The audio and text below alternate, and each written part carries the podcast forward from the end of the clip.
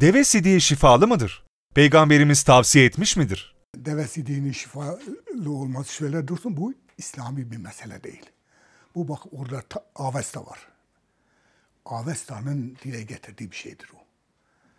Avesta'da e, deve sidiğinden ilaç tavsiye ediliyor.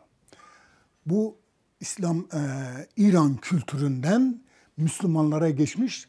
Dolayısıyla Müslüman muhaddisler de hadis derlemeleri sırasında o İran kültürünün bir takım e, sözlerini, bir takım varsayımlarını hadis kılığı altında kitaplarını almışlar.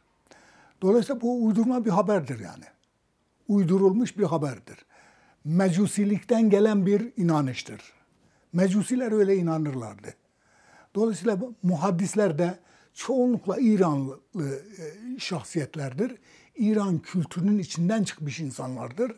Ben sık sık söylüyorum. Muhaddislerin hepsi de İranlıdır. O kütüb-i sittenin sahipler var ya.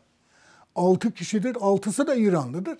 Ve hepsi de İran kültür muhitinden çıkmış insanlardır. Dolayısıyla onlar eski İran kültürünü iyi biliyorlardı.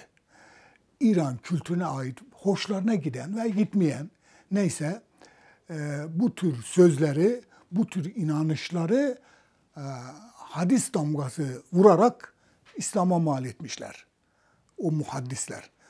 Onun için hadis kitaplarına girmiş ve şimdi de biz Müslümanlar bunun münakaşasını yapıyoruz. Deve sidiğinin bir gerçeği var mıydı yok muydu? İlaç mıdır, hakikaten ilaç mıdır, değil midir?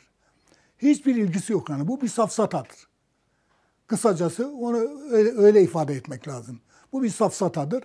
Bu safsata Müslümanlar arasında pek çok safsata, safsatalar, hurafeler Müslümanlar arasında yayılmış.